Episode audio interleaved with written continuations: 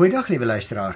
Ons is vandag by Handelinge die 11de hoofstuk se tweede gedeelte en dit strek van vers 19 tot hierso by vers 30. Die opskrif in die Afrikaanse teks is die gemeente in Antiochië. Nou dink ek voordat ek hierdie belangrike gedeelte natuurlik elke stukkie in die Bybel is belangrik, maar uh, voordat ek hierdie spesifieke gedeelte, is dalk beter gesê, met jou bespreek, wil ek vir jou tog so 'n bietjie as 'n uh, agtergrond 'n uh, paar inleidende opmerkings gee wat ek dink ter sake is, dan kan ons miskien dit wat ons hier gaan lees van die gemeente in Antiochië so 'n bietjie beter verstaan. Want jy sien, liewe luisteraar, ons moet verstaan, die kerk het uiteindelik Petrus se standpunt dat die evangelie ook vir nie-Jode bedoel was, aanvaar. Dit is waaroor ek verlede keer gepraat het en dit was 'n baie eenvoudige maar 'n uiters belangrike insig. Met ander woorde dat 'n mens nie op grond van jou etnisiteit, die groep waaraan jy behoort, jou jou rasse afkoms en groepering, dat jy nie op grond daarvan 'n voorkeurbehandeling in die kerk kan verwag nie, soos wat die Jode gedink het nie. Alle mense wat tot geloof in Jesus Christus kom, is baie baie welkom in die kerk. Daarom het Paulus later geskryf in Kolossense 3 by die 11de vers hier, bedoel hy hier in die gemeente, hier in die kerk, hier is Christus alles en in almal. Hier is nie meer Jood of Griek of besny of onbesny of beskaafde of heide nie. Hier is Christus alles en in almal. En daarom is dit belangrik dat ons voortdurend sal onthou die Christendom het sodra hulle tot daardie insig gekom het die evangelie met rasseskrede laat uitsirkel dit het soos 'n veldbrand onder die nie-Jode versprei en baie baie mense het dus in die vroeë kerk tot bekering gekom. Kom ek sê dit andersom.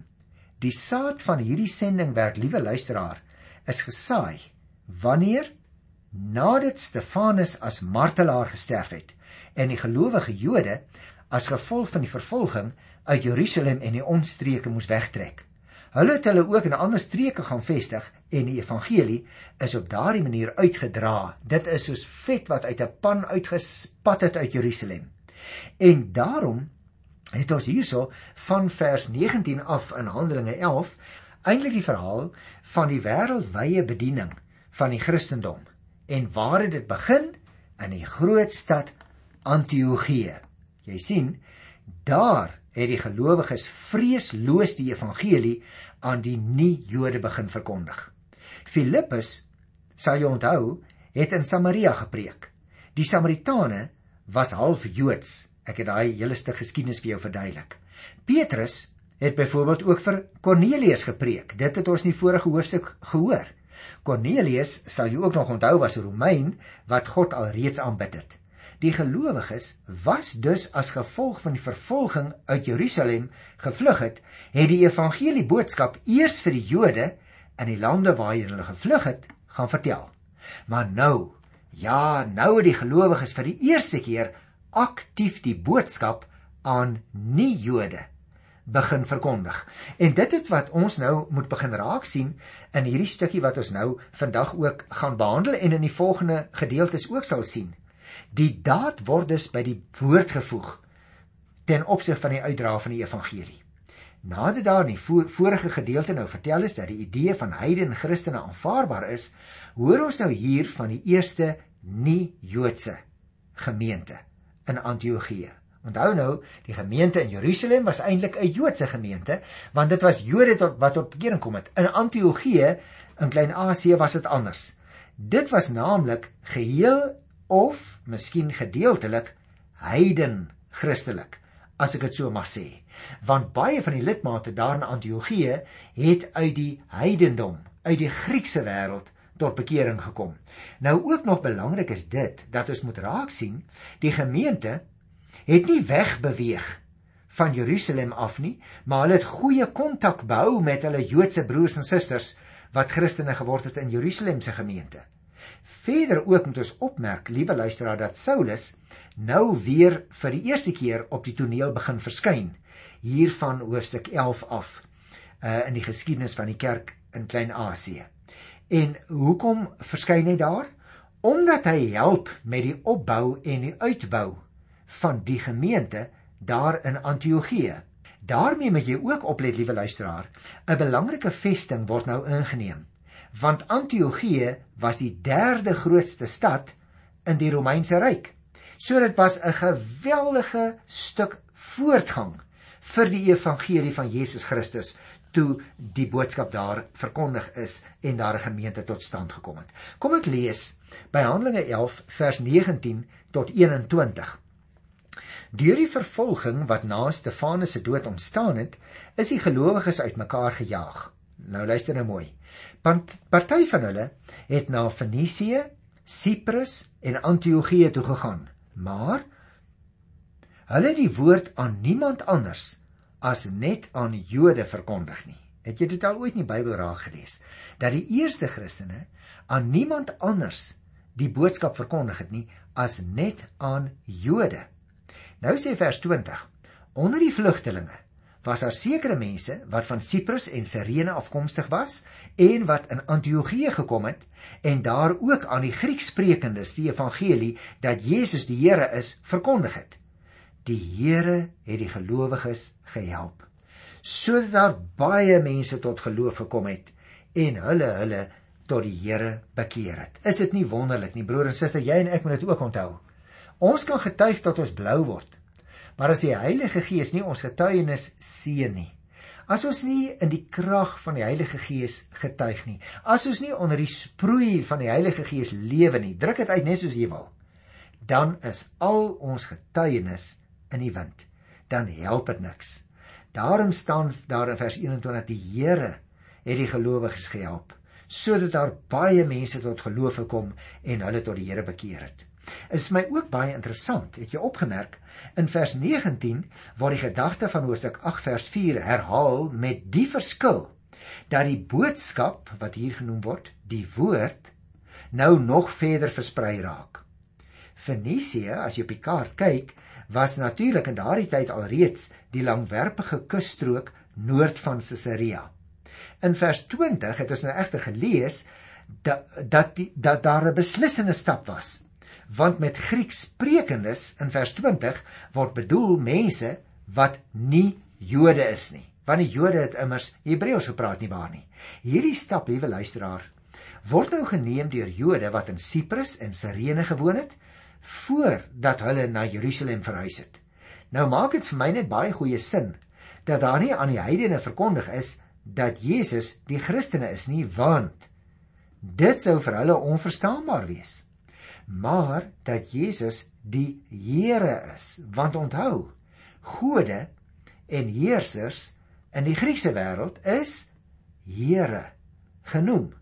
En daarom is dit 'n baie belangrike ehm um, aspek wat ons moet raak sien dat die woordjie Here gebruik is teenoor hierdie nie-Joodse gelowiges wat hoofsaaklik waarskynlik Grieks gepraat het.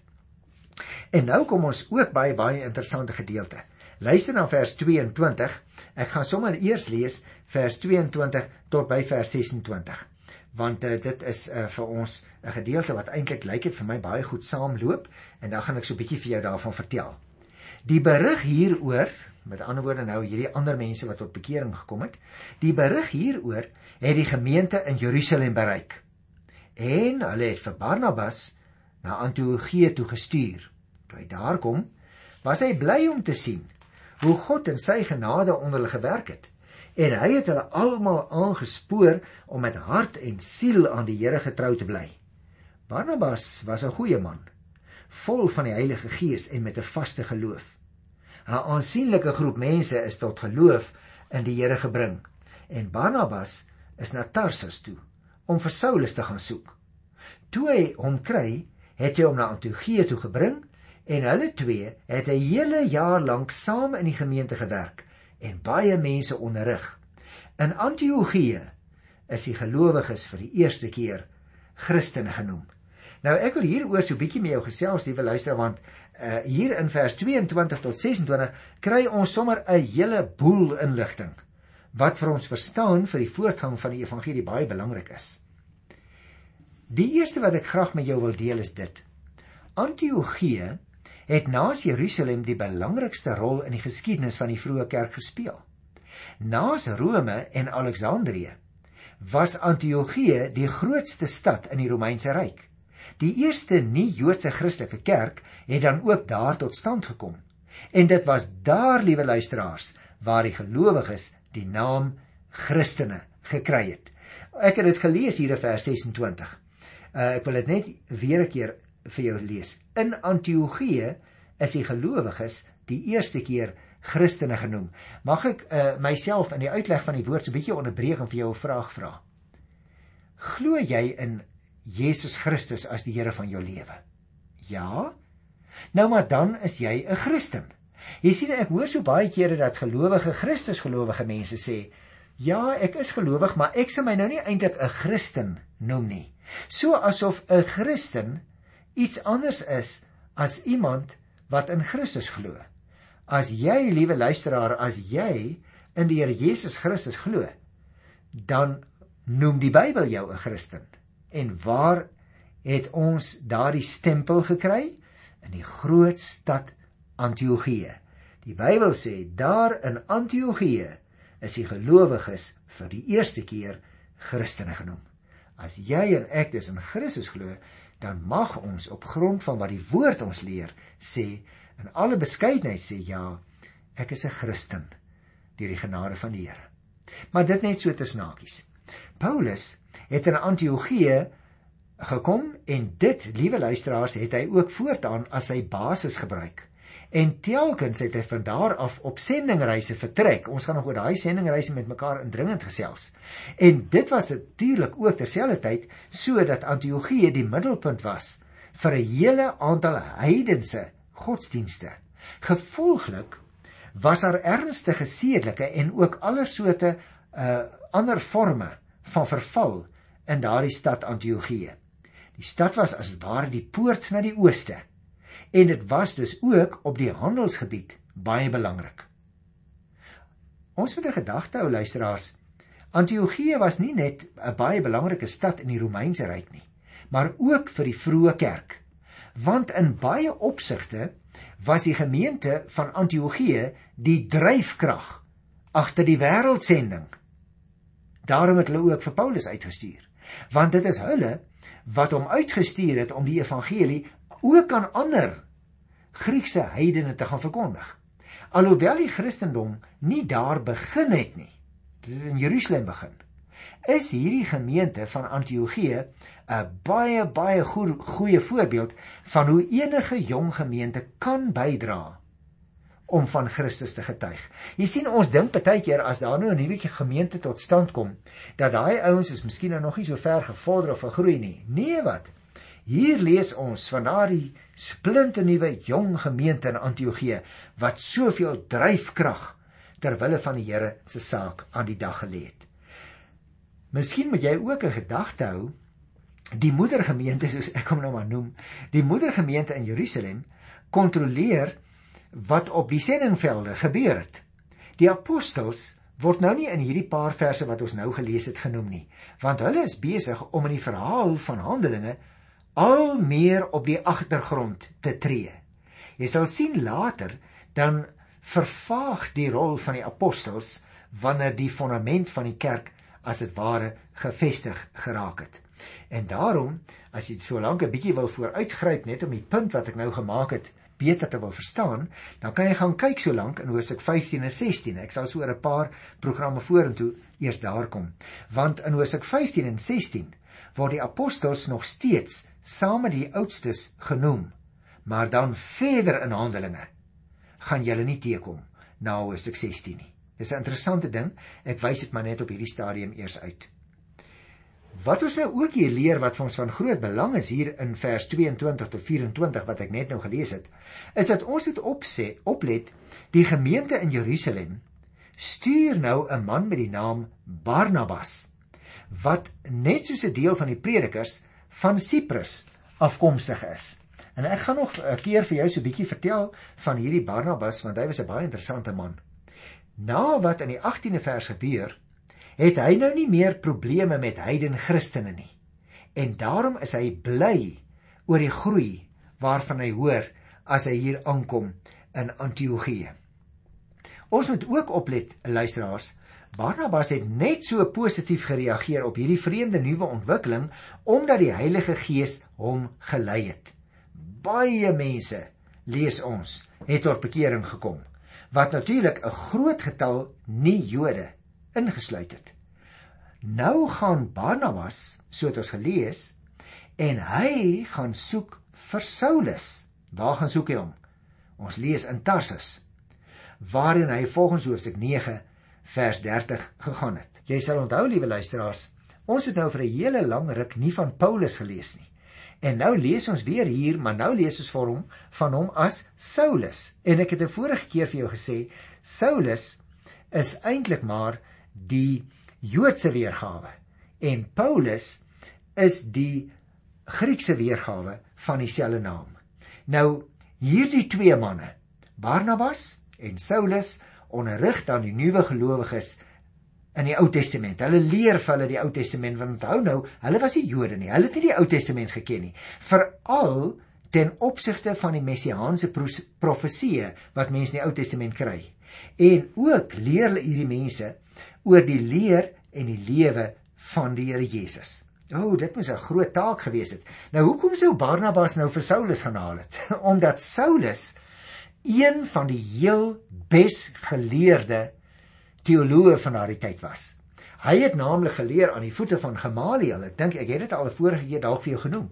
So Saulus was 'n baie hoog opgeleide Jood. Hy het die Joodse Ou Testament baie baie goed geken en ek dink dit is hoekom Barnabas nou vir Saulus gaan haal het daar in Tarsus. Hy sê: "Hoor jy ou broer, kom help my 'n bietjie. Ek is nou hier tussen die heidene en die mense kom baie baie vinnig tot bekering en ek het nie al die kennis nie kom help my 'n bietjie. En dan begin hierdie twee manne nou vir meer as 'n jaar werk hulle saam en hulle onderrig die mense nie net in die Ou Testament nie, maar ook oor wie die Here Jesus was. Die gemeente, liewe luisteraars, word so 'n prominente groep dat hulle 'n naam kry, naamlik Christene, wat ek nou nou vir jou verduidelik het. Dit wil sê die volgelinge van die Here Jesus Christus. Dis ook vir my baie opvallend in hierdie paar verse wat ek gelees het. Alwou God groot dinge deur Paulus doen, moes hy wag en hy moes leer dat God hom op sy tyd wil gebruik. En onthou liewe luisteraar, dit is in jou en my lewe ook so. Ons is soms baie haastig dat die Here van ons sal gebruik as 'n getuie ook teenoor iemand, maar partykeer verbrou ons die hele saak as ons te vinnig instem. En daarom uh, moet ons nie sommer net in die dam inspring nie. Ons moet wag tot die tyd reg is.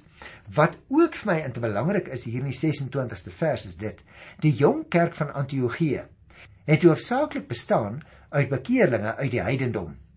Nou is dit natuurlik moontlik dat sommige van hulle tot die klas van Godvreesendes behoort het. En mense dus was wat iets geweet het van die Ou Testament voordat hulle tot die Christelike geloof bekeer is. Dis heeltemal moontlik. Want jy sien liewe luisteraar, dit sou ooreenstem met wat elders gebeur het waar sulke mense die kern van die heiden bekeerlinge gevorm het. Lukas sê eintlik niks meer daarvan nie. Hy vermeld maar net uh, dat die gelowiges daar in Antiochië toe vir die eerste keer Christene genoem is. Wat ons ook nou hier nie moet miskyk nie is dit.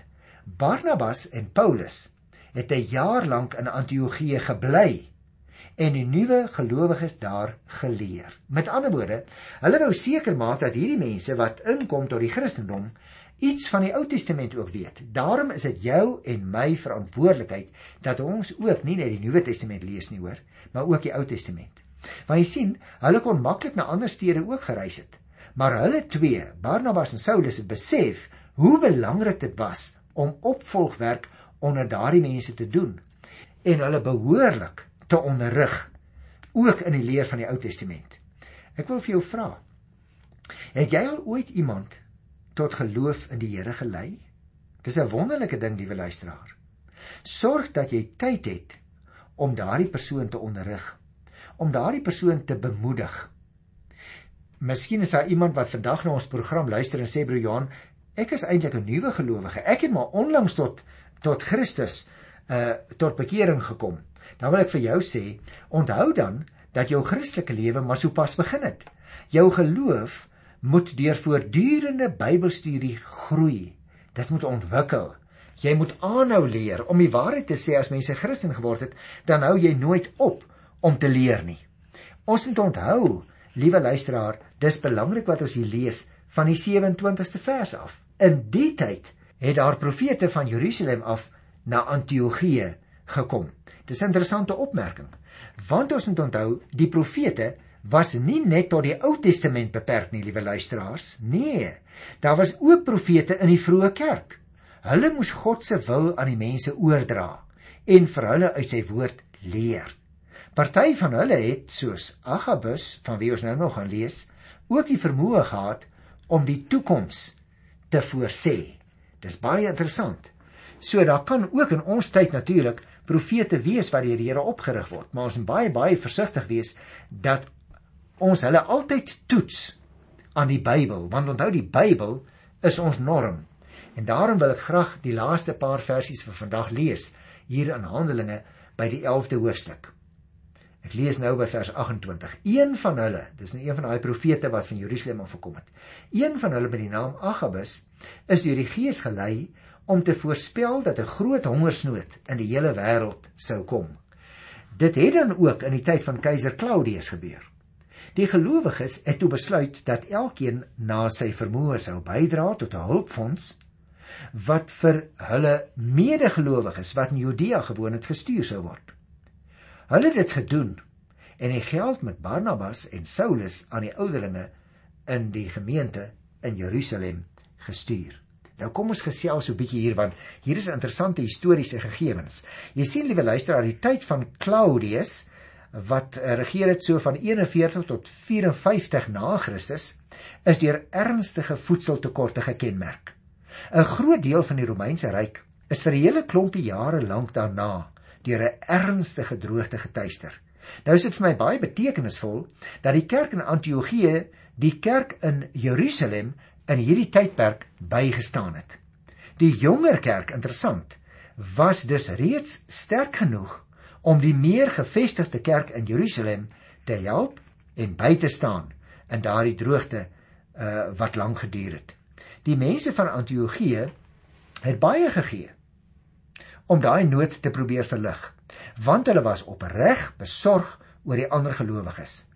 Hulle was dus wat ons in 2 Korinte 9 vers 7 uit Paulus se pen kry. Hulle was dus regtig blymoedige gewers. Liewe luisteraar, as jy dalk huiwerig is om te gee, dan toon jy juis daardeur dat jy nie regtig omgee hoe dit met ander mense gaan nie. As jy weet van die behoeftes wat bestaan en jy opreg daaroor besorg is, dan sal jy ook gemotiveerd wees om regtig te gee. En daarom wil ek afsluit deur weer vers 30 te herhaal. Hulle het dit gedoen en die geld met Barnabas en Saulus aan die ouderlinge in Jerusalem gestuur. Ons lees hier vir die eerste keer van ouderlinge wat aangestel word om met die gemeentewerk te help.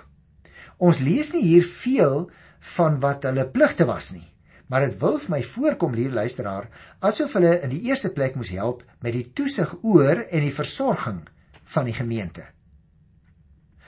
Daarom is dit belangrik om op te merk dat die profete wat van Jerusalem afgekom het, ook 'n aandeel gehad het juis in hierdie situasie om te sê wees voorbereid daar kom 'n droogte.